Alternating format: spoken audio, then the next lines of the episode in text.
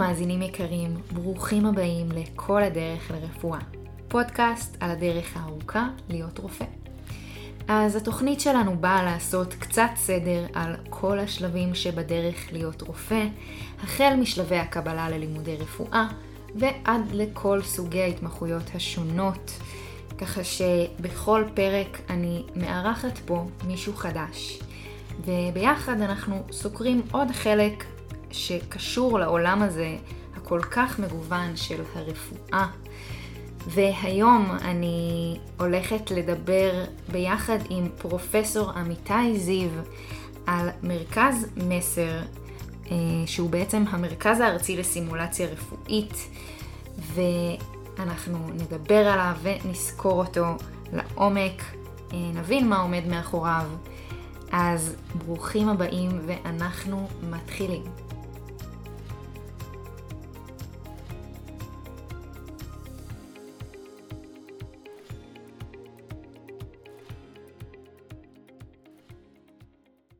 אז היום אנחנו נדבר על מקום שרופא פוגש לא מעט פעמים במהלך חייו המקצועיים.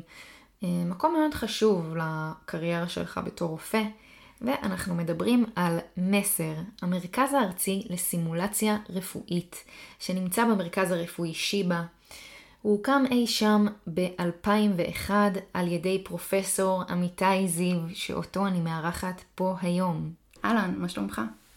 על הכיפאק, לכבוד הוא לי. איזה כיף שאתה פה, תודה רבה. בכיף. אז פרופסור אמיתי זיו הוא מנהל בית החולים השיקומי המשולב במרכז הרפואי שיבא, שכולל את רפואת הנפש, רפואת הגיל השלישי ורפואת השיקום. בצבא הוא שירת כטייס קרב, ולאחר השחרור הוא למד רפואה באוניברסיטה העברית. לאחר מכן התמחה ברפואת ילדים בהדסה, והמשיך לתת התמחות ברפואת מתבגרים בפילדלפיה. אז הייתי רוצה שככה ממש נתחיל מההתחלה. אמ, התגייסת להיות אה, טייס קרב, שזה ככה ממש אה, חלום גדול של הרבה מאוד אנשים, ועשית שינוי חד לעולם הרפואה. מאיפה זה נבע? איך הגעת להחלטה הזו? אתה מגיע לנקודה של אה, סוף השירות הקבע, שהוא שירות יחסית ארוך כמובן בטייסות. עם אופציה להתקדם קדימה שוב בחיל האוויר, או לחילופין אה, לצאת לעולם האזרחי. זה תופס אותי מיד אחרי מלחמת לבנון השנייה, שהיא מלחמה לא סימפטית, אנחנו חלק מהמלחמה הזאת, אני כבר אה, אה, טייס ותיק, ומבין בביטחון רב שאני הולך לאזרחות ולא נשאר בסביבת חיל האוויר, ממשיך כמובן במילואים לעוד הרבה מאוד שנים. אבל אה, ברור לי שאני רוצה להיות בסביבה אחרת, אזרחית. אמ, ורק בנקודת זמן הזו אני מתחיל להתעסק בשאלת ה... אה, לאן אני ממשיך הלאה. אני לא חושב שחלום הרפואה היה בי אה, לפני כן, לא בתקופת חיל האוויר, בוודאי לא בתקופת הילדות, אבל הוא מתחיל בזמן ובמועד של בוא נחליט הלאה. אז בעצם ההכשרה שלך בחיל האוויר, הרבה מאוד אנשים יודעים ש... חיל האוויר דוגל אה, בהרבה מאוד סימולציות אה, במהלך ההכשרה והלאה אה, בכל אה, התפקיד שלך בתור אה, טייס, וזה משהו שככה ממש אה, לקח אותך רחוק בקריירה שלך בתור רופא, זאת אומרת זה משהו שהשפיע עליך אה, רבות על הדרך שלך בתור רופא. תספר לי על הקישור. אני לא חושב שהמילה סימולציות זה הנקודה המרכזית, אני חושב שנושאים אחרים לחלוטין אה, הופכים להיות ברבות הימים משמעותיים בחיים המקצועיים שלי ברפואה. כמו מה למשל? אמ, כי בסופו של דבר אתה יוצא מסביבה, יוצא, סליחה, יותר נכון, ממשיך לחיות בסביבה דואלית, גם של אה, חיל האוויר כמילואימניק וגם כסטודנט אה, לרפואה בירושלים, ואחר כך מתמחה בהדסה. אתה חווה מהר מאוד עם כניסתך לרפואה, הייתי אומר אפילו שוק תרבותי. אה, בעיקר, בעיקר בהיבטים של האופן שבו אתה ממוין למקצוע, שגם אז וגם בהמשך הדרך, שנים רבות מדי, היה לחלוטין על בסיס קוגניטיבי, איזשהו רעיון אה, מס שפתיים שנמשך חמש דקות בזמנו בהדסה, שנות ה-80. אתה פוגש סביבה שכמעט כל העניין הוא עניין קוגניטיבי, אם אתה עובר או לא עובר מבחנים אלו ואחרים, אבל כמעט אין שום דגש על היבטים אחרים באישיות שלך או בתפקוד שלך כאדם במקצוע שהוא כולו אה, מקצוע אנושי יישומי כמו רפואה. זאת אומרת שאז היה צריך רק לעבור איזשהו סכם אה, פסיכומטרי ואיזשהו ראיון...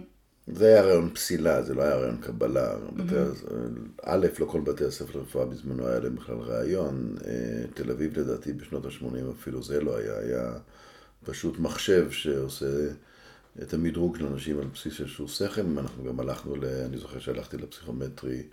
ישר מהטייסת באיזה יום כמו, אה, מחר יש פסיכומטרי, אז באתי. איזה איז, אני לא זוכר אפילו שלמדתי לפסיכומטרי. אבל היו יומים אחרים. ויחד עם זאת, אתה מגלה בעולם הרפואה מהר מאוד, עם כניסתך לסטודנט, כסטודנט, שהעולם הוא מאוד מאוד מאוד באוריינטציה קוגניטיבית, אקדמית, הישגית. הוא לא די רואה היבטים אחרים של המקצוע.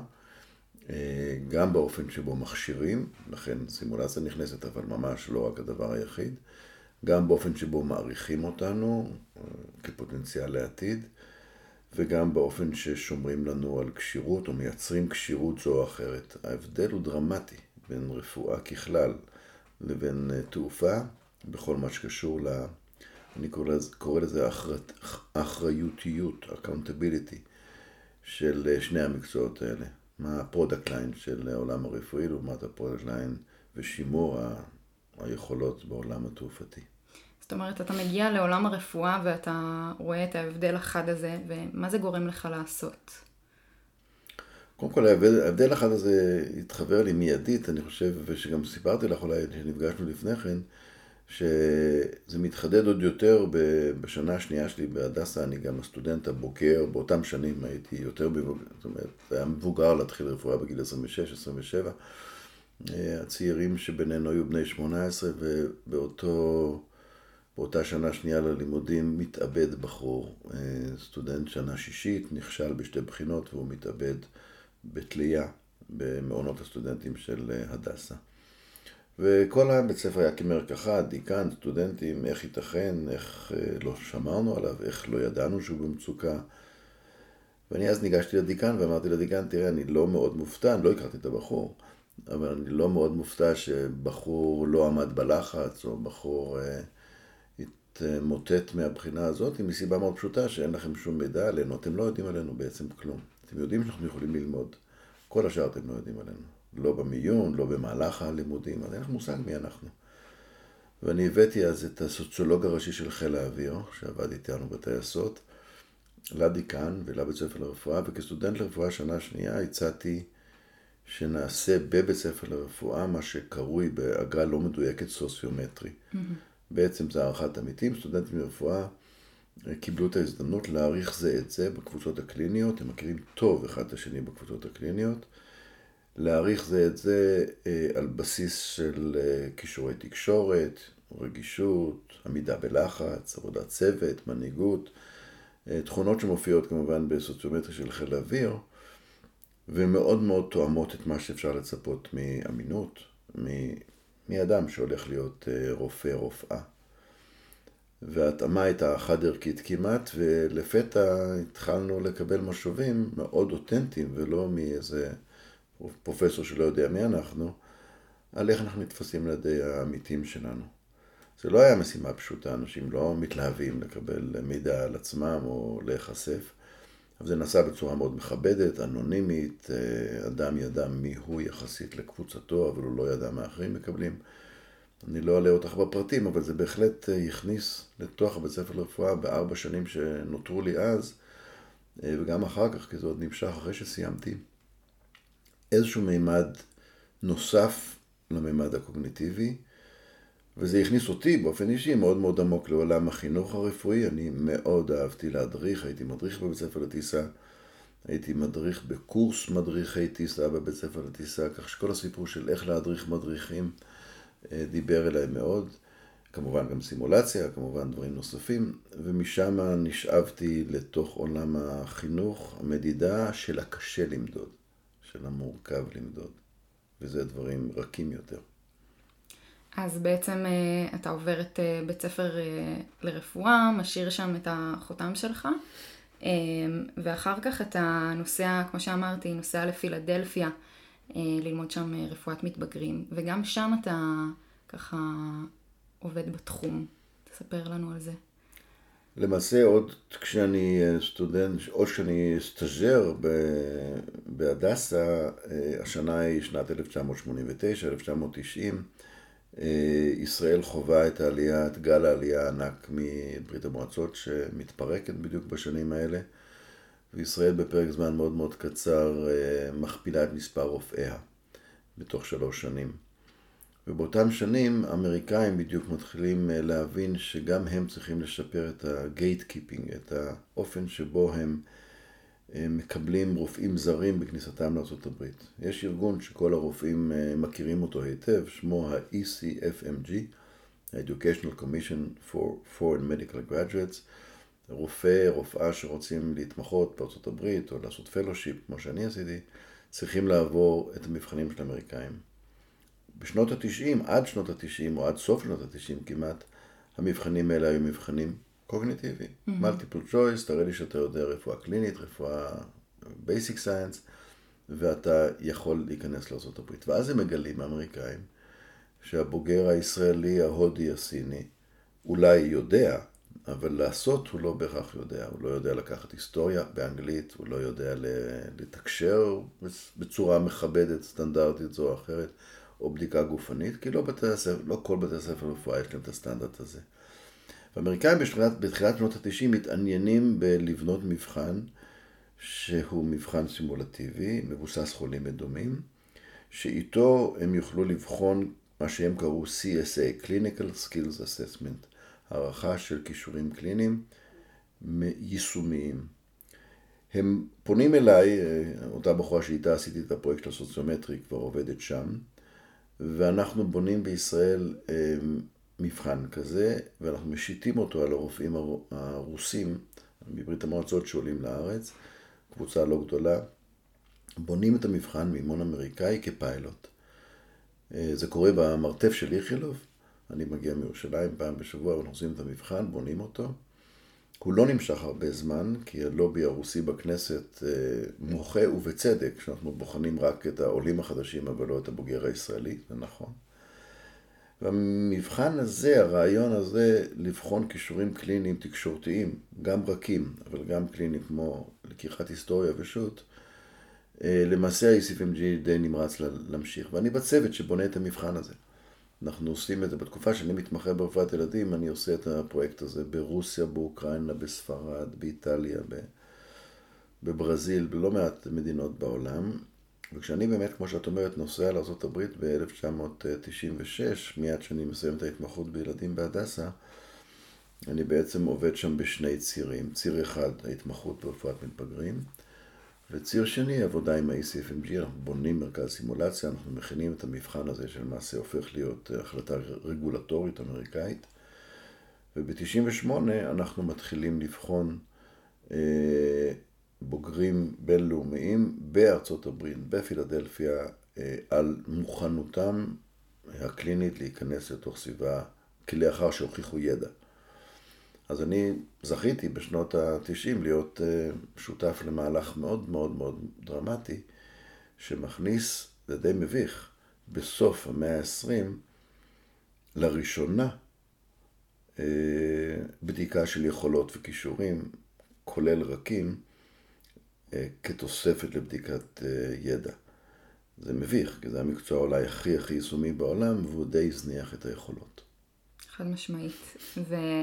ובעצם אתה גם אה, פותח את המרכז הראשוני לסימולציות שם בפילדלפיה. אמת. אני עובר לכמה שנים, שנתיים האחרונות בפילדלפיה, אחרי שכבר השקנו את המבחן שסיפרתי לך עליו. במרכז הסימולציה של ה-ECFMG, אנחנו אחר כך בונים עוד שישה מרכזים כאלה בעוד מקומות בארצות הברית, אבל הנושא כבר הפך להיות פשוט מפעל גדול של בחינות, אז אני עברתי לעבוד עם חברים מחיל אוויר, חבר'ה שהיו איתי בקורס טיס, ובעצם אה, בנינו חברה, קראנו לה MedSim, Medical Simulation. אה, היו לנו סימולטורים, גם סימולטור להרדמה וטיפול נמרץ, וסימולטור לאולטרסאונד, מבוסס על המצאה של אה, פרופסור רוני טפר, שגם טייס וגם גינקולוג, של אולטרסאונד סימולציה. ולמעשה אני אה, מנהל מרכז סימולציה ראשון מסוגו בג'פרסון, באוניברסיטת ג'פרסון בפילדלפיה, ואנחנו מאמינים שמרכז הסימולציה הזה יהיה אה, הייטק ישראלי, כולם יבואו להתאמן, כי צריכים להיות טובים יותר אל מול החולה. ומה קורה בפועל? הם לא באים. כי בעולם הסימולציה התעופ... הרפואית אין רגולציה של הסימולציה. בתעופה, בתור טייס אזרחי או, או, או צבאי, אין לך בכלל שאלה, אתה, סימולציה היא חלק בלתי נפרד מהמחויבות שלך אה, האימונית וגם הרישויית, ואתה צריך להדגים פעם, אי אלו פעמים בשנה את יכולותיך או את האימונים שלך, ואתה נבחן כל שנה על שמירת הכשירות. וזה מתוקצב וזה רגולטורי. הרפואה של שנות התשעים, אה, וגם היום לדאבוני ברכיבים רבים, לא הכניסה את זה למעגל הרגולציה. ואם ציפינו שאנשים יבואו, מוסדות, אה, פרמדיקים, אה, רופאים, צוות סיעודי, יבואו למרכז סימולציה שלנו, ישלמו הרבה כסף ויתאמנו בסימולטורים, אז כמובן זו היוהרה הישראלית שלא הוכיחה את עצמה פיננסית או בביזנס מודל. אה, הגיעו, אבל ודאי לא באופן שהצדיק את ההשקעות של המיליונים שהשקיעו בנו.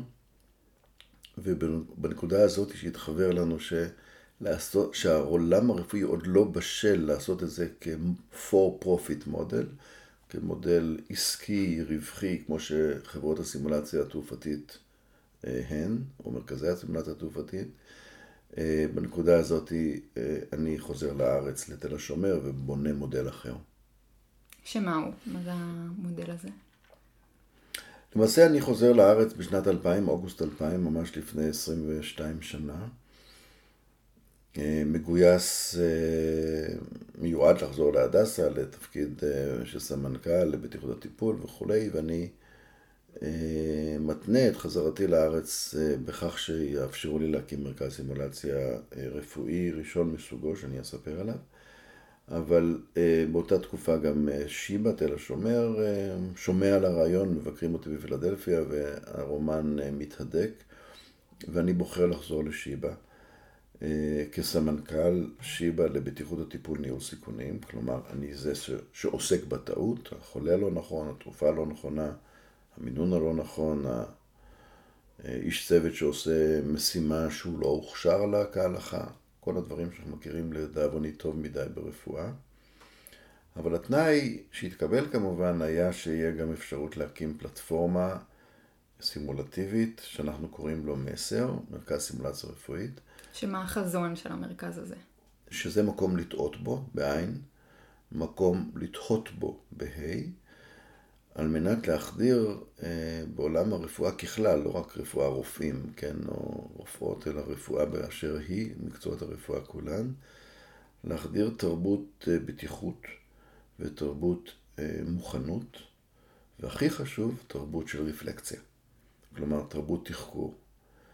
ובכך שאפשר לאפשר במסר לאנשים, לאנשי מקצוע, לפגוש את הבלהה, את ה-nightmares, בסביבה בטוחה, שלטעות אין מחיר, כי הסימולטור או השחקן לכל היותר לא יטופלו כהלכה, אבל הם עדיין יהיו, אה, יאפשרו לנו לעשות רפלקציה על המוכנות שלנו, מה אפשר לעשות טוב יותר, לעשות פחות טוב ושות'.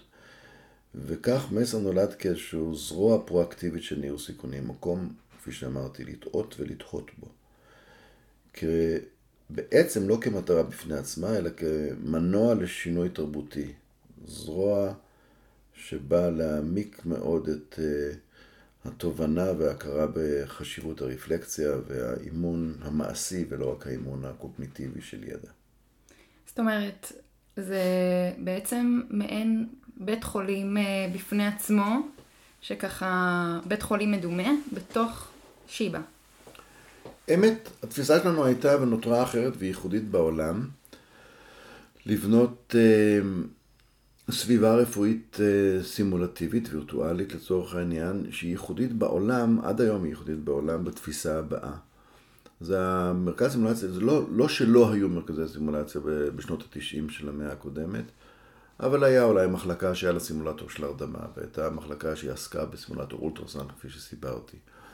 ה-ECFMG היה לו סימולציה לצורכי בחינה של רופאים זרים שבאים לארה"ב. משהו יהודי, מקומי, גדול או קטן ככל שיהיה, אבל עם השפעה מאוד מסוימת על אותו, אותה נישה.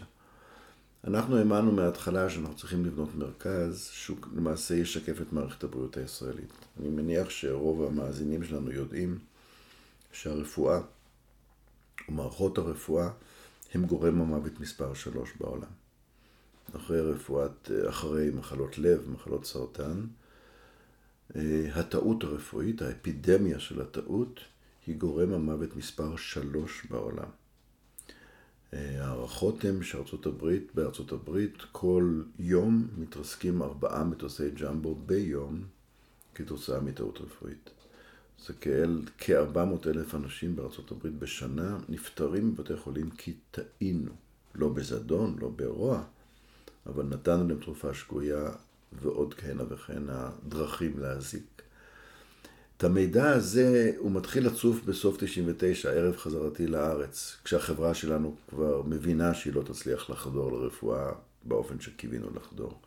קלינטון הנשיא, יוצא ריפורט אמריקאי, קוראים לו To Air is Human, לטעות זה אנושי, ופתאום הרפואה במעבר מהמאה ה-20 למאה ה-21 מגלה את ערוותה, והציבור מגלה את מצוקת המקצוע. במובן הזה שאנחנו אפידמיה של טעויות. אנחנו לא רק healing industry, אנחנו גם בציניות או באופן בוטה, גם יש בנו killing. עכשיו בואו נהיה הגונים, אלה שנפטרים בגלל טעות רפואית, חלקם הלא מבוטל אנשים מאוד חולים. אתה יכול להיות עם סרטן לבלב, עם חודשיים לחיות, אבל אם היום אני טעיתי ונתתי לך את הכימותרפיה במינון של פי שתיים או שלוש וקיצרתי את חייך בחודשיים, זה נספר בסטטיסטיקה, וזה עצוב. על הרקע הזה אנחנו מחליטים לבנות את מסר כמרכז לקידום בטיחות הטיפול ורפלקציה וכל הדברים שאמרתי, ובכך היינו ייחודים כי אמרנו זה מרכז שמתבטא אולי בארבע דרגות ייחוד. אחד, סביבה רפואית קלינית של כל עולם הרפואה. היום אני יכול להיות של חדר לידה, מחר אני של חדר ניתוח, אני יכול להיות של שדה הקרב של רופא צבאי, אני יכול להיות סביבה של רופא משפחה בקהילה. כלומר, מולטי אנביירמנט. כל, כל סביבה רפואית היום יש יותר ויותר סביבת בית, מטפלים בבתים, אנחנו יודעים לייצר סביבת הבית ולאמן צוותי בית. אז כל הסביבות הרפואיות, אחד. שניים, מטרתנו לטפל בכל אוכלוסיות הרפואה שיכולות לטעות. לכן זה לא מרכז לרפואה בלבד, זה רפואה, סיעוד, מדיקים, פרמדיקים, עובדים סוציאליים שיכולים לטעות ולפספס אביוז של ילד. ולא רק מלטי דיסציפלינרי, אלא גם אינטרדיסציפלינרי. רוב הטעויות ברפואה הם בעבודת הצוות, בממשק רפואה, סיעוד, סיעוד, משפחה. או כל ממשק אחר, ולכן אנחנו נביא למסר צוותים אורגניים, צוות חדר מיון, צוות חדר טיפול נמרץ, חדר, צוות אה, אה, בטיחות הילד ואביוז ילדים. אז הם יבואו להתאמן כצוות והם ילמדו את עצמם וכו'. אז זה הצד השני. הצד השלישי זה multi-modality, כלומר, כל המודלים הסימולטיביים, מה-high-tech סימולציה של הקוקפיט של הכירורג או של הרופא הכירורגי או רופא, רופא רפואת החירום או טיפול נמרץ, ועד הצד השני שזה ה high-touch. ה high-touch זה השחקנים. רוב הטעויות ברפואה הם בציר התקשורתי. לא מזדון, אנחנו לא מתקשרים טוב עם מטופלינו. הם יכולים להיות קשישים, הם יכולים להיות דוברי שפה אחרת, תרבות אחרת. אנחנו אחד המעסיקים הגדולים בארץ של שחקנים, מעל 300 שחקנים עובדים אצלנו לכל, לכל מגזר וכל תחום. וכמובן, בין לבין המון סימולטורים פשוטים, לואו-טק, את יודעת, מודל תפירה לא חייב להיות high-tech, אני יכול לתפור גם על פלסטיק או סיליקון. יש הרבה אנשים שיכולים לחשוב שאולי ה-high touch, כמו שאתה קורא לזה, אה, זאת אומרת המודל התקשורתי, אולי לא נחוץ. זאת אומרת, זה לא אקוטי כמו שכירורג ידע לתפור בדיוק אה, בדיוק את מה שהוא צריך. אני חושב שיותר ויותר מבינים, ואני חושב שיותר ויותר, אה, את יודעת, הציבור מתבגר, הציפיות הצודקות של הציבור שמקבל טיפול מרפואה אה, בצדק עולות, אה, גם מהדור הצעיר שאת נמנית עליו, אבל גם מהדור היותר מבוגר. תודעת השירות שצריך לתת ברפואה כלקוח. מתחילה, ובצדק, לחלחל לעומק. זכויות החולה אה, עולים וצפים כדבר שצריך לטפל בו, ובצדק, ממקום ערכי. ולכן, אחד הדברים שמאוד מאוד מרשימים אנשים שבאים למסר זה את העבוד, העבודה המאוד מעמיקה שאנחנו עושים בעולם התוכן של תקשורת. זה לא תקשורת של אה, איך שואלים אותך אם את מעשנת או עם אה, הרגלי האכילה שלך. אנחנו הולכים למקומות מאוד מאוד מורכבים בתקשורת. אנחנו קודם כל ייחודיים גם בכך שאנחנו לא הולכים לסטודנטים ברפואה כמעט, אנחנו הולכים הרבה יותר גבוה, אנחנו הולכים למנהלי מחלקות, מנהלי בתי חולים. אני התאמנתי במסר לא פעם, אני היום מנהל בית חולים, אתמול הייתי סמנכ"ל לבטיחות. אז בהתאם למשימות שלי כ... כתפקיד ניהולי, אז אני רוצה להתאמן, לדוגמה בבטיחות החולה, איך אני מספר למשפחה שטעינו, שנתנו לאבא דם שגוי, אבא נפטר, איך לעמוד מול המשפחה ולהתנצל על טעות כבדה מאוד, איך לבשר בשורת איוב על חס וחלילה סרטן, או על בשורה שאנחנו אפילו גרמנו לה. אלה רגעים קשים מאוד אמוציונלית למטפל באשר הוא, הם רגעים שכדאי להיות מוכנים אליהם. כך שאם אתה הולך גבוה ב top down ואתה באמת מפגיש אה, צוות רפואי עם משימות קשות שקשה לישון בלילה לפניהם, אנחנו חווים את זה על פני 20 שנות הפעילות של מסר, אה, מעל 250 אלף איש התאמנו במסר בשנים האלה. אנחנו מקבלים משובים שזה אולי הדבר המשמעותי ביותר שאנשים אה, חווים, חווים המון המון תודה לו. תחשבי על עובד סוציאלי שלא יודעת איך שואלים את שאלת האבא, האם יכול להיות שהילד לא בדיוק נפל, אלא אולי קרה לו משהו אחר. זה עולם מורכב. הייתי רוצה שככה נחזור, אה, דיברתי בהתחלה, בעצם רופא פוגש את מרכז מסר הרבה מאוד אה, פעמים במהלך הקריירה המקצועית שלו, והייתי רוצה שנזכור את השלבים האלה, זאת אומרת, גם אה, החל משלבי הקבלה, שמסר לוקח שם חלק, ועד להיותו רופא בכיר, כמו שאתה ציינת פה. קודם כל בואי נדייק במינוחים, המסר איננו מרכז מסר, מסר הוא מסר. מרכז ארצי לסימולציה רפואית. אז אני מתקן אה, במינוח.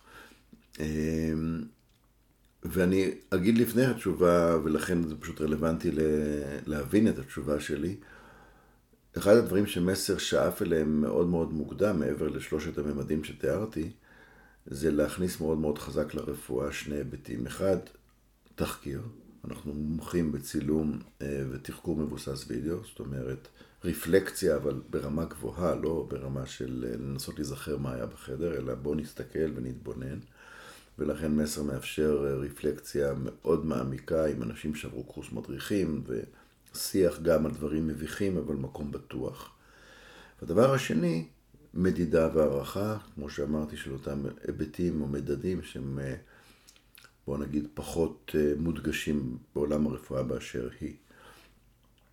וכשהולכים למקומות האלה, וזה מביא אותי לתשובה, אמ, אנחנו מאוד מאוד מהר הבנו, גם על הרקע של הכישלון של החברה העסקית שבעבר הייתי איתה, שהדרך להחדיר את, רגול... את הסימולציה לתרבות הרפואית זה דרך רגולציה. כי אם אתה לא מכניס את זה לרגולציה, כלומר קבלה לרפואה דרך מסר או דרך סימולציה באשר היא, או מבחני רישוי של מקצוע X או Y, אתה בעצם חי בעולם של יש לי זמן, אני בא, אין לי זמן, יש לי כסף, אני מאפשר, אין לי... זה nice toy to, to play with, אבל זה לא יותר מאשר משחק. כשזה מתחיל להיות רגולטורי, כמו שזה נמצא בעולם התעופתי, זה מתחיל לחדור גם לסעיפי תקציב של גופים שהם הרגולטוריים, וגם לתודעתו של איש הרפואה באשר הוא, שמבין שהוא צריך לשמור על כשירות ולהיות אה, מוכן למשימת הקודש שקוראים לה טיפול והצלת חיים. מול אילו גופים אתם עובדים בעצם? אז ברקע הזה אנחנו עובדים מול כל הגופים הרגולטוריים בארץ רלוונטיים. זה יכול להיות משרד הבריאות בהקשרים הרלוונטיים, מנהל הסיעוד, מנהל הרפואה, אה, מנהל השירות, עוד רגע נדבר. זה יכול להיות אה, מול הצבא, שיש לו סטנדרטים בחיל הרפואה והוא רוצה שלא יצא לדרך תאגד בלי שהוא הוכשר היטב רגע לפני אה, משימה או בשמירת כשירות. ודאי וודאי ההסתדרות הרפואית והמועצה המדעית, שהם אה, הגופים הרגולטוריים לגבי מבחן רישוי רפואי זה או אחר, ולהוסיף לתוך מארג המבחנים, גם מבחני competence, מבחני מיומנות, יש עכשיו מהפכה ענקית בעולם הרפואי העולמי, האוניברסלי, שקוראים למהפכה הזאת Competence Based Medical Education, חינוך רפואי מבוסס מיומנויות. אני מזכיר שעד עכשיו החינוך הרפואי, בעיקר בכלל, גם בבתי הספר לרפואה ועוד יותר בהתמחויות, נקרא לו בשמו, הוא חינוך רפואי מבוסס זמן. Duration-based medical education. כלומר, חמש שנים אתה כירורג לב, אה, או ארבע שנים אני רופא ילדים, אה, בלי שאני נבחן על יכולת, אני נבחן, יש לי מבחן בעל פה, נבחן בכתב, אבל אני לא באמת מדגים יכולות, או נמדד לאורך הדרך על יכולות. אז גופים רגולטוריים חשובים כמובן הם גופי הרגולציה של סיעוד, רפואה ושות'. אבל מכיוון שהפודקאסט הזה הוא על הדרך לרפואה, ואנחנו מתמקדים עכשיו בנישה שקוראים לה רופאים, אה, אז אני כן אענה לך לגבי מתי רופא בהתהוות, או בטרם הוא מתהווה, או רופאה, אה, פוגשת מסר אה, בקריירה. ויש כמובן מקבילה ורטיקלית גם לסיעוד ולמקצועות נוספים, עובדים סוציאליים, פסיכולוגיים ואחרים. אז בואו נחזור לרפואה.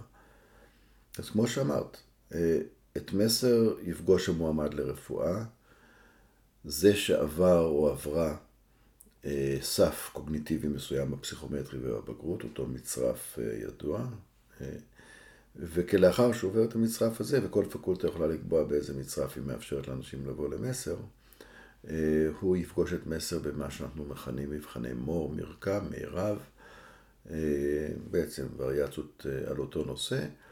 ושם הוא יימדד אה, על כישורי התקשורת, היבטים אנושיים אישיותיים של אה, יכולתו או יכולתה להיות רופאים ולא ממקום הקוגניטיבי, כי את זה בדקנו כבר, זה עשינו בפסיכומטרי ובבגרות. לא כל הפקולטות איתנו, אה, בר אילן הייתה איתנו ולקחה עכשיו רק חלק מהפרויקט הזה, באר שבע ממשיכה במודל מודל השאלונים שלה וגם רעיונות. אבל אה, אריאל, טכניון, הדסה, העברית ותל אביב אה, נותרו איתנו לאורך כל השנים. שמה זה אומר? בעצם מועמד מגיע למסר ומה הוא פוגש שם?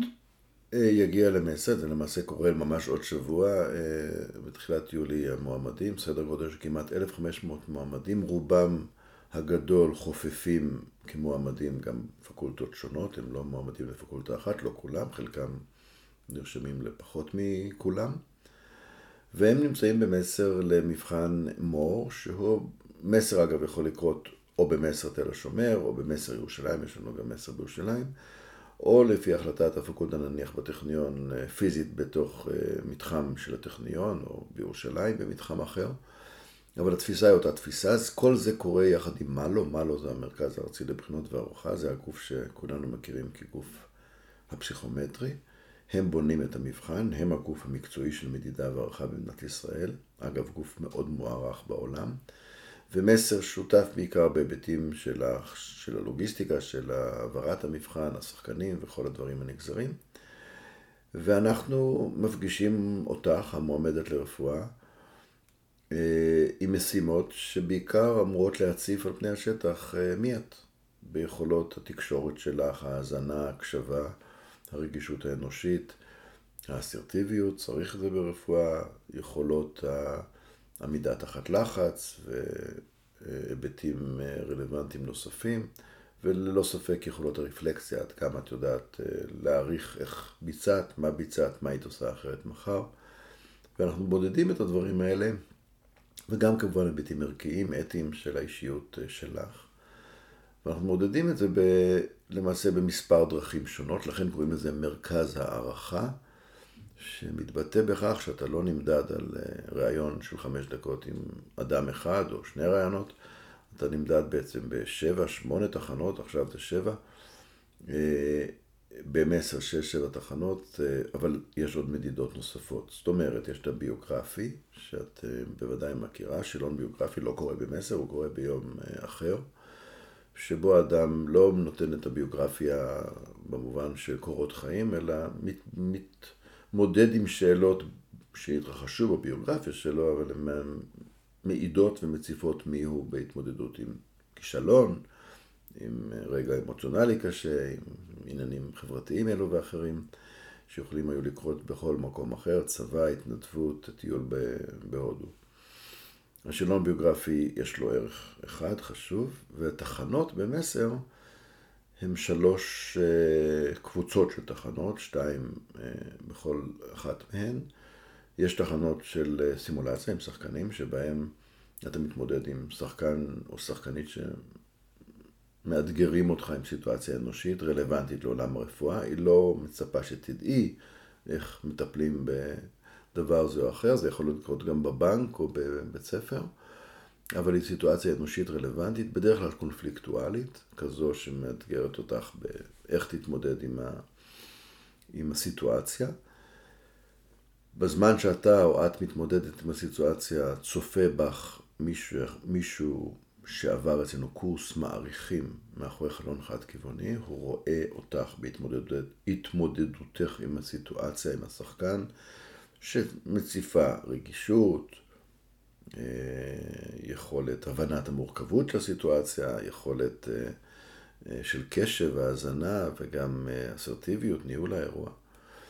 הוא נכנס אחר כך, השחקן יוצא החוצה, נכנס איש, ה, איש הפקולטה שאומן, אני מזכיר ואומר, אומן למשימתו, וישב איתך אחר כך חמש דקות וישאל אותך מה קרה פה בחדר. ולא כל מה שרואים הוא מה שבאמת התכוונת, וזה בסדר. זאת אומרת, בוחנים אותך גם על איך יכול... אתה יכול להעריך את עצמך. בדיוק. על יכולת הרפלקסיה, דברים שעשית טוב, דברים שעשית אולי פחות טוב, ואילו היה לך יותר זמן, מה היית עושה, מבינה לאן זה הולך. אבל אפשר ללמוד עלייך הרבה יותר דברים מאשר אה, שתספרי לי על נייר. יש עוד שני סוגים של תחנות, שהן תחנות אה, של סיטואציה אנושית שהיית בה, אה, דומה לביוגרפיה, אבל הפעם תדבר את, ה, את האירוע ש, שצמחת ממנו לאחר כישלון, דוגמה, ותחנות נוספות הן תחנות יותר אתיות. מציגים לך איזושהי בעיה אתית מורכבת ואתה מנתח אותה. יש פה הרבה בגרות והרבה הבנת הסיטואציה והמורכבות, וצפים בשיח הזה גם דברים שמעידים על, על מידת מוכנותך למשימה המורכבת שקוראים לה רפואה. ובעצם לאחר מכן, אה, אחרי הלימודים, אתה מגיע לשלב הסטאז' וגם בו אה, אתה, אתה פוגש את מסר. ממקום רגולטורי. אז עד שאתה מגיע למסר בס... כסדנת פרסטאז' לפני הסטאז', אתה יכול לפגוש את מסר לא פעם ולא פעמיים, אם אתה בית ספר בתל אביב, או גם לא לפגוש את מסר, אתה יכול לפגוש את... Uh, סימולציה בבית ספר לרפואה בבן גוריון או בטכניון, כל בתי הספר מחזיקים היום יחידות סימולציה אלו ואחרות, יותר מובנות, פחות מובנות, לא הכל קורה במסר וטוב שכך. אה, גם במסר מגיעים סטודנטים לרפואה ברמה זו או אחרת, בהרדמה, בטיפול נמרץ. אבל זה כבר לא בחינות. הפעם הבאה שהם פוגשים את מסר ממקום רגולטורי, מנדטורי, כמו שאמרת, זה הסדנת הכנה לסטאז'. היא די מהדהדת אצלי אה, אה, תקופה שהייתה לי בחיל האוויר, אתה מסיים קורס טיס, אה, נניח במגמת קרב כמוני, אתה עדיין לא משובץ לטייסות הקרב. אתה עובר למה שקרוי OTU, שזה קורס אימון מבצעי. בזמנו עשינו אותו בסיני, זה היה ארבעה חודשים, היום זה שישה חודשים, ואתה בעצם לומד להיות טייס קרב. לטוס אתה כבר יודע, אבל להיות טייס קרב אתה לא יודע. ורק אז אתה נכנס לטייסות. המקבילה ברפואה שאנחנו הבאנו לפני כ-15 שנה יחד עם משרד הבריאות, מנהל הרפואה, הייתה מקבילה בקורס של ארבעה ימים, חובה, לכל בוגר רפואה באשר הוא מישראל או מהונגריה, מולדובה ואמן או, או בגדד, ויש גם סטודנטים ערבים ישראלים שמגיעים ממדינות ערב. ובטרם כניסתך לסטאז' אתה מחויב לשבת, אתה מחויב לעשות במסר סדנת סטאז'. ארבעה ימים, אנחנו מכנים את הסדנה הזאת סדנת הבלהה, עם חצי חיוך. אתה פוגש את הרגעים הקשים של הסטאג'ר, מבוסס על job analysis, מה באמת עושה סטאג'ר. לדוגמה, סטאג'ר מעביר חולה מטיפול נמרץ לרנטגן וחזרה, בלילה, בשתיים בלילה לבד, מקום מאוד מסוכן אמצע הלילה, אה, מסדרון בשיבא, לבד, סטאג'ר וחולה מטיפול נמרץ. ללמד את הסטאג'רים במה כרוכה ההעברה הזאת, האם בדקת שיש חמצן בבלון, האם החולה לא מדי מורכב למשימה הזאת עבורך, האם אתה יודע לטפל במכונת ההנשמה שמלווה אותך, אה, ועוד כהנה וכהנה, ואתה לא מדבר על זה תאורטית, אתה אשכרה מעביר במסר במעלית אה, בובה מאוד מורכבת שבמעלית אה, שובקת חיים ואתה מגלה שהחמצן שלקחת היה ריק. לא כדאי שיקרה הדבר הזה. אלה ארבעה ימים שיש בהם גם תקשורת מורכבת וגם עבודת צוות, גם החייאה. רק משימות סטאג'ר לבד בשתיים בלילה במחלקה. ואחד הדברים, ועברו את הסדנה הזאת כבר כ-15, כמעט 20 אלף רופאי העתיד עברו את הסדנה הזאת בעשור פלוס האחרון. ולשמחתי ולדאבוני הם אומרים שזו הסדנה הטובה ביותר שהם עברו בחייהם. למה לדאבוני? כי זה די מעיד על הקשר שלנו בשנות בית ספר לרפואה. כי אם הם אומרים לנו שהארבעה ימים האלה היו כל כך איכותיים בביטחון העצמי שלהם בכניסה לסטאז', זה אומר שלא עשינו עבודה מספקת בבית ספר לרפואה.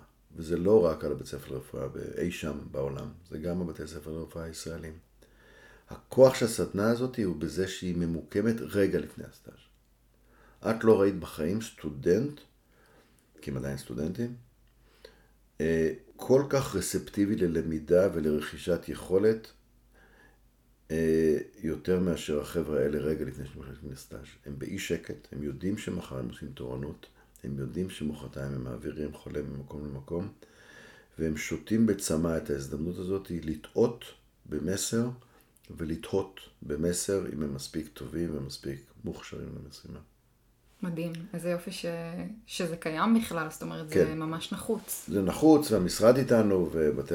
והדיקנים איתנו, כי הדיקנים עדיין אחראים על הסטאג'רים, וזה בהחלט אה, אירוע יחיד ממינו בעולם. אין עוד עולם שעושה אה, רפואת, זאת אומרת, הכנה כל כך יסודית רגע לפני כניסה לסטאז'. ובעצם אתה מגיע להתמחות, ואחר כך אה, להיות רופא מומחה. איפה אתה פוגש את מסר? אז אה, זה מאוד תלוי התמחות. המרדימים לדוגמה נכנסו עם מסר למסע מאוד מרשים, מאוד מוקדם, ממש כמה שנים אחרי שפתחנו את מסר, המרדימים בחרו, היה לנו סימול... יש לנו סימולטורים מאוד מתקדמים של הרדמה וטיפול נמרץ והירואיקה מעולמות התוכן, בובות של 100-200 אלף דולר שנושמות ומדממות ויש להן קולות לב, נשימה ובאמת מאפשרות לנו להתאמן על ההירואיקה של המקצוע ההרדמתי, הטיפול נמרצי, הרפואת חירום, והם הולכים איתנו דרך ארוכה. הם מהר מאוד החליטו להכניס למבחן שלב ב', שזה המבחן הרישוי האחרון, אה, תוספת סימולטיבית. אה, זה הלך והתפתח עם השנים לכדי מצב שיש להם אה, כמובן מבחן שלב א', שהוא מבחן של ידע, קורה באמצע ההתמחות, ואז בסוף ההתמחות יש להם מבחן יכולות, שחלקו בעל פה, וחלקו הלא מבוטל על בובות מתקדמות. ותדמייני שכל המרדימים בארץ כבר פגשו את המבחן הזה, או כמתמחים שסיימו התמחות, או כבוחנים בכירים שבאו להכשיר, באו, הוכשרו כבוחנים וראו אותם. אז מרדימים לדוגמה יפגשו את מסר גם במבחן הרישוי, אבל גם הרבה מאוד פעמים לפני מבחן הרישוי, משום שהרבה מחלקות הרדמה היום מחזיקות סימולטורים וזה נפלא. אה, רפואת החירום בישראל, כולם מתחילת הדרך, לא הכל במסר, חלקו במקומות אחרים, יש להם ימי חובה של סימולציה כהכשרה ייעודית לרופא רפואת חירום, רופא רופאה, דברים טכניים כמו הכנסת סטנדר מרכזי ודברים של אולטרסאונד וגם דברים תקשורתיים שקורים בחדר מיון אה, יותר מאשר במקומות אחרים וגם הם מגיעים למבחן רישוי שלב ב' במסר. אז רפואת חירום, ילדים ומבוגרים, מרדימים, טיפול נמרץ בדרך, רפואת פגים איתנו, מאוד צמוד על הרבה מאוד... אה, למעשה יש כמה איגודים בארץ שלקחו מאוד ברצינות את המושג Competence-Based Medical Education והכניסו להתמחות שלהם יחידות סימולציה חובה ולאט לאט מכניסים גם יחידות אה, רישוי מבוססות סימולציה. זאת אומרת, מה זה אומר? הם מגיעים, אותם אה, מתמחים מגיעים אליכם, או שאתם מגיעים למחלקות? זו שאלה מצוינת. המתמחים, האיגודים היותר מאורגנים יעשו ימי חובה אצלנו, או אפילו במרכזי סימולציה אחרים, שזה על הכיפאק. והמתמחים בצורה מסודרת אה, יקבלו יחידות לימוד אה, מעשיות, hands on, על סימולציה, שחקנים או בובות או שילובים. בימים במסר, כמו נניח רופאי הפגים. אה, או לחילופין אה, אצלהם, יש אה, גוף שבנינו במסר, קוראים לו מסר על גלגלים עם שרית. אנחנו יודעים להגיע לכל בית חולים בארץ, גם לסביבות שטח, תאגד או קופות. כך שמבחינה הזאת יש עוד כלים, ויש יותר ויותר מרכזי סימולציה בארץ שמאפשרים את הדברים האלה בעצמם, בתוך בית חולים X או Y. ויש עוד לא מעט מקצועות רפואיים שפוגשים את הסימולציה יותר או פחות, אף אוזן וגרון עושים איתנו נניח פרויקטים גדולים בנושא של אה, תיבת התעודה, לרינגולוגיה, ממש משימות שמביאים את הסטאג'רים, את המתמחים. אבל אני כן חשוב לי להגיד שאנשים יפגשו את מסר גם בהמשך הדרך. לא רק בהתמחות ובסוף ההתמחות, או ברפואה ובסוף הרפואה, בבית ספר, הם יפגשו את מסר בים של פרויקטים שיכולים להיות נניח לכל מנהלי הסיכונים, תפקיד שהייתי בעבר, לבוא ולהתאמן בהתנצלות ואמירת אמת ואמירת אה, אמירת גילוי נאות. הם יכולים לפגוש את מסר בפרויקט של חוויית שירות, רופאים, רופאות וצוותים בנושא של סוף החיים.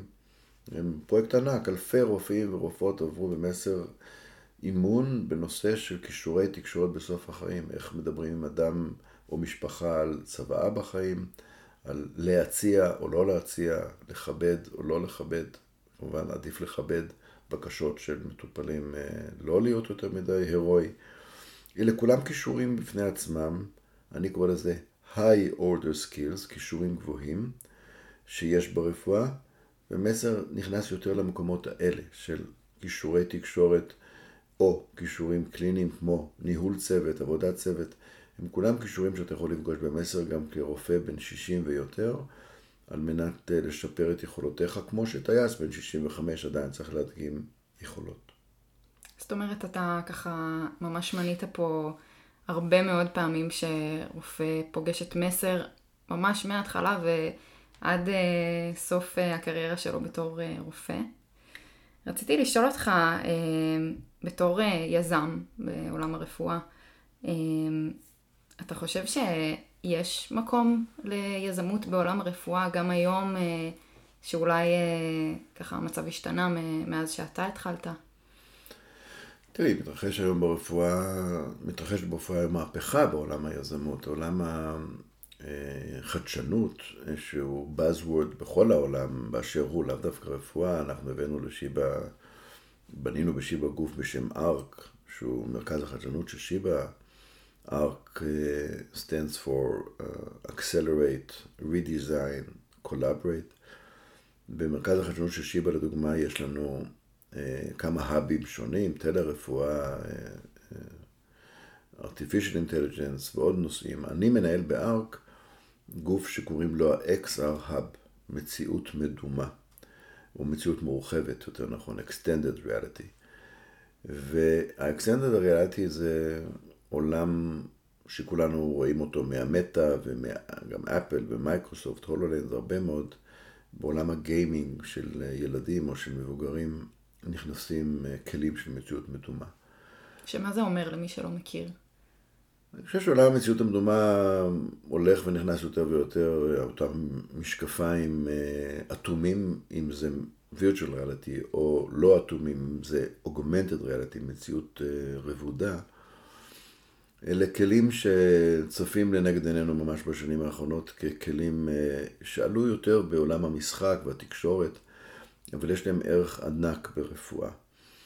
ובטח ובטח בסימולציה שאני מתעסק בה, כמו לאמן אה, איש רפואה דרך משקפיים שמכניסים אותו לסביבה אימרסיבית, ולאמן אה, רופא במשימה אה, כירורגית זו או אחרת בתוך המשקפיים האלה. אתה אשכרה עושה משימה רפואית בסביבה שמונגשת אליך דרך משקפיים שמביאים אותך למציאות אחרת.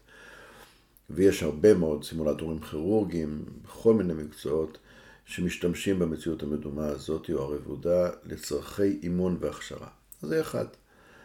הציר השני, שהוא לא פחות אה, חשוב, זה הציר של חוויית המטופל.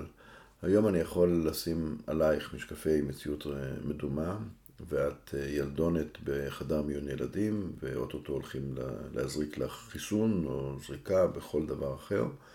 ובזמן שאנחנו עכשיו הולכים אה, אולי קצת להכאיב לך, את בכלל אה, משחקת איזשהו משחק אה, מחשב סוער שככה שואב אותך לתוכו. אנחנו עושים את זה היום בכימותרפיה. אנשים יושבים ארבע שעות באשפוז יום אונקולוגי ויכולים לשבת עם מציאות מדומה על הראש ולטייל בפריז, או לצלול בקריבים. וואו. וליהנות. ויש פה pain management ויש פה איזה destruction של, של התחושות שלך ואתה נשאב למציאות הזאת. התחום השלישי שמציאות מדומה או מורחבת מאוד מאוד מאוד מתפתח זה תחום השיקום. אני היום מנהל את הבית חולים השיקומי המשולב בשיבא, וזה בית חולים אה, שיש בו המון פעילות שיקומית גם ברפואת הנפש, גם ברפואת הגיל השלישי, ובוודאי ברפואת השיקום ככלל הקלאסית. היום יש כמה חברות, אגב חלקן יוצאות חיל האוויר, ואתה יושב uh, בתוך uh, המשקפיים ומקבל משימות. המשימות יכולות להיות משימות מוטוריות, כמו לפוצץ בלונים, ואתה לא שם לב שאתה מותח את היד שלך לגבולות uh, ש, שכואבים לך, ואתה עסוק במשחק ואתה לא שם לב, והנה קידמתי אותך מוטורית. אה, אתה יכול גם דברים קוגניטיביים, תוך כדי זה, כל מיני משימות קוגניטיביות שמשפרות אותך אחרי אה, שבץ מוחי. אנחנו עושים את זה עם מטופלים בני 100 ו-102, יש לנו מטופלים שנשאבים לזה, זה unbelievable. והתחום האחרון שמציאות מורחבת מאפשר לנו, והוא אולי בהיבט הכלכלי, חזרה לשאלתך על חדשנות ועל רכיבים עסקיים, שם כנראה יושב הכסף הגדול של המציאות המדומה. יותר מאשר חוויית מטופל. זה בעצם אה, מציאות רבודה, או משקפי אה, כירורג, שהיום אנחנו עושים את זה כבר בשיבא. אתה יכול אה, לחבוש משקפיים של מציאות רבודה, אתה רואה את המטופל, הוא שוכב על הבטן בחדר ניתוח, אתה עושה ניתוח עמוד שדרה לדוגמה, ודרך המשקפיים מונגש על החולה ה-CT של החולה, ה-CT התלת-ממדי, ואתה בעצם מנתח בסביבה תלת-ממדית. אתה לא צריך, צריך להסתכל ימינה ושמאלה על מסכים בשביל לדעת איפה אתה נמצא, זה עושה איזה עולם של נביגציה, אה, ניווט מדויק במרחב של המטופל, ויש כבר לא מעט פתרונות בתחום הזה, ואנחנו עושים גם בשיבא, גם בעולם, יש יותר ויותר כלים כאלה. אני אגיד ביושר שהתעופה נכנסה לזה כבר לפני 40 שנה.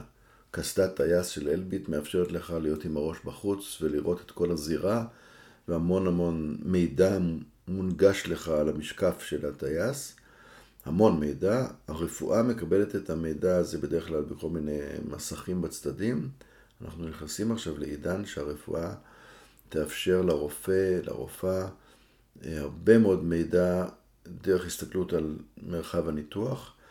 אה, שידייק אותו, ישפר בטיחות, איכות, אה, פרודקטיביות והרבה דברים, ואני מאוד אופטימי לגבי התחום הזה. מדהים. ובעצם אני חוזרת ככה לתחום היזמות. מה היית ממליץ לרופא צעיר, אה, או לא כל כך צעיר, שרוצה להיכנס לתחום היזמות, אם זה בפן המחקרי, הקליני או אפילו הניהולי? קודם כל, אני מאמין גדול ביזמות, אני חושב שיזמות אמיתית אה, צריכה לבוא קודם כל מתשוקה. אתה מאוד צריך לרצות לשפר משהו. אם זה לא מצוי ממקום של תשוקה לא לכסף, תשוקה ערכית לשפר משהו, לעשות משהו, אה, אל תיכנס ליזמות. צריך מאוד להאמין במה שאתה עושה. ואני חייב להגיד שאני מאמין בכך שאתה צריך לעשות את זה ממקום של עשיית טוב, ולא רק עשיית כסף. זה בסדר לעשות כסף, אבל לעשות טוב, בטח בעולם הרפואי, יזמות וחדשנות צריכים להיות מונעים על ידי הרצון לעשות טוב. שניים, יזמות טובה חייבת לזהות בעיה קודם כל. ורק אחר כך לחפש את הפתרון. זאת אומרת, היזמות היא הפתרון, אבל אי אפשר להתחיל, אה, והרבה מדי יזמים עושים את הטעות הקלאסית, שהם מחזיקים ביד טכנולוגיה, או יש להם איזושהי טכנולוגיה שהם חשבו עליה, ועכשיו הם מחפשים את, הפת... את הבעיה של הטכנולוגיה. זה העיוות הזה של פתרון מחפש בעיה. אלה בדרך כלל יזמות, יזמויות שנכשלות. יש לך בעיית פתרון, עכשיו אתה מחפש איזה בעיה הוא יכול לפתור. הרבה יותר נכון לעבוד מלמטה, למצוא בעיה ובאמת למצוא פתרונות איכותיים יזמיים. יש היום הרבה מאוד תוכניות, כולל לנו בשיבא, יחד עם המרכז הבינתחומי, עם האוניברסיטה של רייכמן, תוכניות של MBA ביזמות או בחדשנות רפואית. יש בכל כמעט אוניברסיטה תוכניות אלו ואחרות שמאפשרות את הלמידה הזו. העוצמה, אני חושב, הכי גדולה היא, היא יזמות שבאה בוטם אפ של אנשים שנמצאים בשטח, רואים את החסר, רואים מה, מה אין להם ומה הם מצפים שיהיה להם, ובונים יזמות, ואף פעם לא לבד. זה חייב להיות קבוצתי, עם אנשים שמביאים ידע, נניח, טכנולוגי, בוודאי ידע עסקי. בעצם רפואה זה גם תחום שהוא כל כך מתפתח כל הזמן, זאת אומרת, זה... זה, זה כל כך נכון. קרקע פורה ל... ליזמות כזו בעצם. קרקע אינסופית ליזמות, לכן המקצוע כל כך יפה, כי אתה יכול להיות קלינאי, אני הייתי פעם רופא ילדים, אני אינני רופא ילדים היום, אני היום מנהל בית חולים ואת מסר ועושה עוד דברים, אבל אני חושב שזה היופי ברפואה, אתה יכול למצוא את דרכך במקצוע הזה, וכמו שהדור שלך אולי מייצג קופצנות דורית ולא נשארים במקום אחד יותר מקצת זמן, כן, החברים שלך בהייטק מחליפים, מחליפים חברה פעם בשנתיים, במקרה הטוב. אני לא בעד זה כמובן, אבל אני אומר שגם אני עשיתי במהלך דרכי האישית, לא קפיצות של כל שנתיים, אבל עברתי מתעופה לרפואה, מרפואת ילדים לחינוך רפואי, מחינוך רפואי ליזמות רפואית. חזרתי לרפואה הציבורית, ניהול ועוד דברים אחרים. ואני באמת חושב שהרפואה כל כך עשירה, היא יכולה לאפשר לנו למצוא את עצמנו לפי תשוקות, לפי תשוקות, על פי תשוקות, בהרבה דברים שככל שנהיה יותר מחוברים אליהם, כך נהיה יותר שמחים בחיינו. זה בעצם מוביל אותי לשאלה, אתה התמחית ברפואת ילדים, ואחר כך עשית גם תת התמחות, ו... בסוף החלטת בכלל ללכת לפן הניהולי. איך אתה בעצם שלם עם ההחלטה, אולי אי פעם הייתה לך חרטה שלא הלכת ל... שלא המשכתי בעולם הקליני. כן. זו שאלה מצוינת. אני חושב שעם השנים נהייתי יותר... אה, אהבתי מאוד רפואת ילדים, רפואת מתבגרים שהתמחיתי בה בארצות הברית אה, מאוד אה, חיזקה בי איזו הבנה שהרפואה האמריקאית במתבגרים היא אחרת מהרפואה הישראלית במתבגרים. באותם שנים טיפלתי בילדות בנות 14 אה, בהיריון שני. לשמחתי זה עוד לא כל כך הגיע לישראל. אה, והיו עוד נושאים שהיו מאוד ספציפיים לתרבות האמריקאית שפחות אהבתי, אני מאוד היום מתוודה. אבל מסתבר שה... התשוקה המרכזית שלי בחיים באותם שנים הייתה יותר תשוקה לחינוך, הכשרה, יזמות. אה, לא חשבתי על ניהול. ההצעה שקיבלתי מפרופסור רוטשטיין אה, ופרופסור מוטקה שני בזמנו נפלה עליי כרעם ביום בהיר. גם פרופסור אבי ישראלי מהדסה הציע לי, פתאום אמרו בוא תהיה סמנכ"ל ותהיה... אה, ותנהל את עולם הבטיחות וניהול הסיכונים של שיבא. זו הייתה הצעה שנפלה עליי כרעם ביום בהיר, לא חשבתי לעשות ניהול. והנה הלכתי ועשיתי תואר בניהול והתמחות במנהל רפואי. אז אני מודה שהלכתי עם, עם הזדמנויות, הלכתי בהחלט עם הלב. לעתים אתה מרגיש בניהול שיכולת ההשפעה שלך על החולה הבודד או על המסה של החולים או על מערכת רפואית או על הציבור ככלל אם אתה עושה עבודה טובה בציר הניהולי, כמו נניח בטיחות הטיפול, למנוע טעויות, או מסר, להכשיר אותנו קצת יותר מוכנים למשימה, יכול להיות שההשפעה שלך היא יותר גדולה. היא לא פרטנית על החולה הבודד שהצלת מסרטן, או שהבחנת עם אה, מחלת לב, זה נכון, ולכן זה שילוב בין עבודה ניהולית לבין עבודה סיזיפית, מאתגרת, ואולי הכי קדושה, ליד מיטת החולה ועם החולה. אה, בסוף צריך גם וגם, ואני שמח על החלק שלי בהחלטה. אה, זה סיפוק ממקום אחר. זה סיפוק ממקום אחר, הוא לא הסיפוק של החולה שמגיע לכם הפרחים על... ואני באמת פחות במגע עם חולים, אני מודה, אני יותר במגע עם אנשי רפואה, ושם אני יכול להשפיע דרך המתווך שקוראים לו איש הרפואה, ולא ישירות מול החולים. ואני מוצא את הסיפוק במקום הזה, אני מודה. זה בהחלט הרבה סיפוק. אה, אז ככה רציתי לשאול, אה, בעצם במסגרת מסר שאתה מנהל, יש איזה משהו שהארגון השיג או שאתה עשית שזכור לך במיוחד? תראי, מסר זה מסע. אה, וככל שהמסע מתקדם, הוא בן 20 שנה, אבל למעשה המסע האישי שלי עם סימולציה הוא, הוא אולי, הייתי אומר, לא אולי, הוא 40 שנה, התחלתי רפואה לפני 40 שנה. ולכן במסע הזה, ככל שאתה מזהה גם היום מה היו מטרותיך ולאן אתה רוצה להגיע, אתה מגלה, היום, אני יודע יותר טוב מרבים אחרים, מה עוד לא עשינו, וכמה עוד ארוכה הדרך. והדרך ארוכה. אה, אני מסביר גם לעצמי וגם לצוות במסר לא פעם, שהמסע של undoing הוא יותר מורכב מהמסע של doing. מסר מצוי בתוך מסע שמנסה לשנות תרבות, ולהנחיל תרבות חדשה על תרבות קיימת, מאוד שמרנית, מאוד ותיקה, מאות ואלפי שנים הרפואה הייתה מאוד אליטיסטית, היררכית, הרופא הכל יודע והמטופל הלא יודע. העולם משתנה לנגד עינינו בקצבים מטורפים, ואנחנו הרפואה צריכה לעשות את השינויים האלה, זה לוקח לנו יותר זמן ממה שחשבנו. המנוע הסימולטיבי הוא אמצעי להאיץ את השינוי, דרך הרפלקציה, דרך ההכרה בכך שאתה אולי לא מספיק מוכן ולכן אתה רוצה להיות יותר טוב. כך שאני לא הייתי אומר, בתוך כל המהלך של מסר, אני חושב שאני מסתכל אחורה אה, בהחלט בשביעות רצון, אבל אני מסתכל הרבה יותר קדימה בהמשך המשימות. מה אתה רואה קדימה? אני כן אגיד אחורה משפט אחד, ואחורה הוא בעיקר אני רואה את ההישגים הרגולטוריים. באותם מקומות שמסר כן הצליח לחדור לליבו ולתקציבו של הרגולטור, משרד בריאות, מנהל הסיעוד, את יודעת שהיום כל נשות ונשי, ואנשי הסיעוד בישראל במקצועות העל בסיסיים, יכול להיות סיעוד של חדר ניתוח, סיעוד של אה, פסיכיאטריה, אה, טיפת חלב, 20 פלוס אה, עולמות סיעוד על בסיסיים, אנחנו קוראים לזה שאתה רוצה שיהיו מוכנים למשימה, עוברים דרך מסר, כמעט 3,000 אחים ואחיות כל שנה צריכים להדגים יכולות למשימות הקודש הסיעודיות, ברישוי מבוסס סימולציה. זה הקפצה דרמטית של הסטנדרט של האם את מוכנה למשימה או לא. אז אני מאוד גאה במקומות הרגולטוריים שתיארתי את חלקם קודם, בהרבה מקצועות.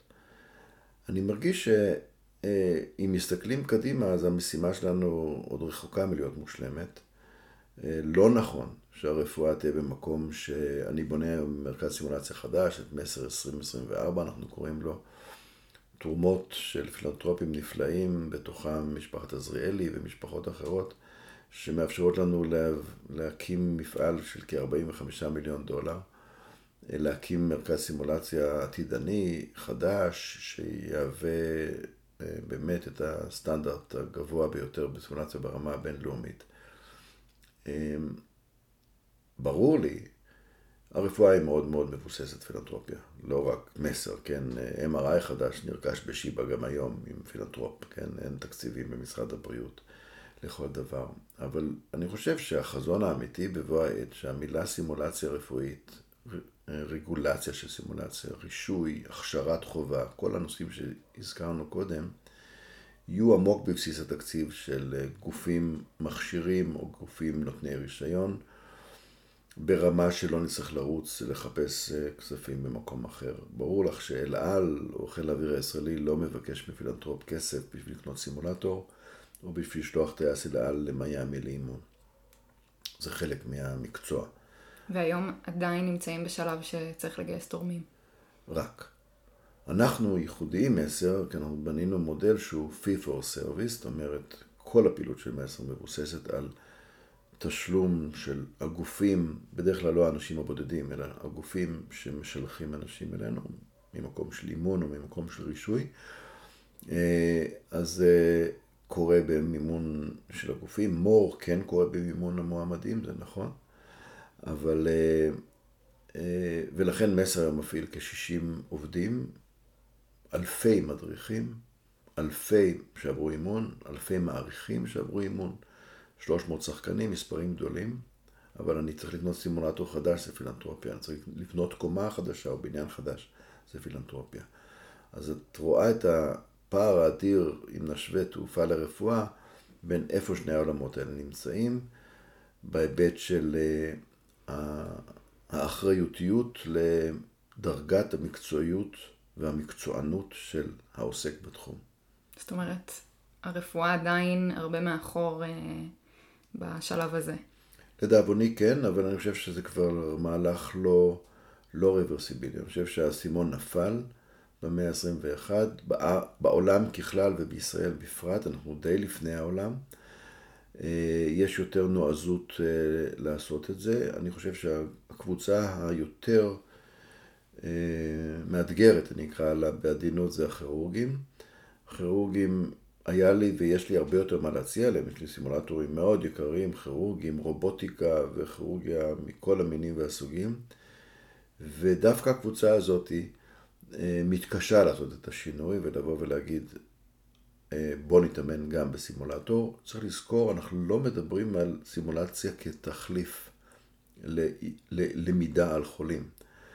אנחנו מבינים שלמידה על חולים או למידה שולייתית היא רכיב ענק ביכולת שלנו להכשיר. בסוף צריך להמריא, בסוף צריך לנתח חולה אמיתי. אבל אין סיבה שנגיע לחולה האמיתי אה, בדרגת מיומנות אה, שאיננה אופטימלית, שיכולנו לרכוש על סימולטור או על סימולציה, כן, עם שחקנים או כל אה, כלי אחר. ואת הסוויץ' המנטלי הזה, הכירורגים אה, עוד צריכים לעשות. אנחנו מאוד אופטימיים, כי עכשיו אנחנו בבניין החדש של מסר בונים אה, קומה שלמה שתהיה כירורגית טהורה. הקומה הזאת תכיל אה, באמת את מיטב הסימולציות הכירורגיות. אנחנו מאמינים שהאיגוד הישראלי לכירורגיה ואיגודים קטנים יותר של מקצועות אה, כירורגיה קטנה שותפים לנו יותר מבעבר. ובאותו רוח של מה שאמרתי קודם, החינוך או הכשרה מבוססת מיומנויות, אני חושב, ואני אופטימי, אני רואה שזה קורה. אבל הדרך יותר ארוכה ממה ששיערתי בהתחלה, היא יותר מאתגרת כספית או מבחינה יזמית אה, אה, פיננסית, והתירוץ של אין כסף הוא בדרך כלל יותר תירוץ מאשר, אה, מאשר סיבה עמוקה, כי אם רואים את זה ערכית כדבר חשוב, אז זה צריך להיות משימה ניהולית של כולנו להביא את המימון למשימה הזו. טוב, אז אה, ככה אנחנו באמת אה, לקראת סיום, אה, ויש לי שאלה שהיא קבועה בסוף כל פרק. תהיתי אם לשאול גם אותך, ואמרתי, טוב, למה לא? אז איפה אתה רואה את עצמך בתור אמיתי, בתור פרופסור, בעוד עשר שנים? תראי, אני היום בשלבים שבעולם הפורמלי, כן, ש, של הפנסיה בגיל 67, אני לא מאוד רחוק, לכאורה עוד שלוש שנים אני אמור לפרוש, אבל זה לא יקרה לי, אה, ולא כל כך משנה אם, אה, אם נציבות שירות המדינה אה, תחשוב אחרת, כי אני מתכוון להישאר בעולם הזה עוד שנים רבות, בטח במסר, אבל ככל האפשר גם בעולמות אחרים, כמו... עולמות השיקום ורפואת הנפש, שאני מאוד מאוד מאמין בקידום הזה, ורפואת הגיל השלישי, שעם כל הכבוד, היא, דיברנו קודם על אפידמיית הטעות, אז יש עוד אפידמיות ברפואה, כן, אפידמיית הגיל השלישי, ואפידמיית אה, רפואת הנפש והקושי המנטלי והשיקום הוא אירוע שהוזנח לאורך שנים רבות מדי. אז אני מאחל לעצמי קודם כל, שאני אוכל להמשיך ולהיות בעולמות האלה בווריאציה זו או אחרת, אה, יותר פורמלית, פחות פורמלית, עוד הרבה מאוד שנים. לא צופה איזושהי פרישה אה, לאי באיי סיישל, צר לי. אני שואף להישאר שם, בטח עם עשר, אבל גם עם התחומים האחרים. קשה לי להאמין שמישהו יוותר עליך ככה בקלות. לא עניין של לוותר, זה בעיקר אני לא אוותר, אבל לא שאלתי את האחרים, זה, זה בא מאיתנו. הכי חשוב. נכון. טוב, אז דיברנו היום על מרכז מסר ומה עומד מאחוריו. דיברנו על החשיבות של הסימולציות בפן הקליני והתקשורתי. סקרנו את השלבים במסלול חייו של רופא בהם הוא פוגש את המרכז, ודיברנו על יזמות בעולם הרפואה. אז תודה רבה לך, פרופסור עמיתי זיו, תודה שהיית פה היום. ותודה רבה לכם המאזינים. אם אהבתם את הפרק, תשתפו אותו עם עוד אנשים נוספים שאולי יוכלו ליהנות ממנו גם. אז תודה רבה, ונתראה בפרק הבא. תודה רבה.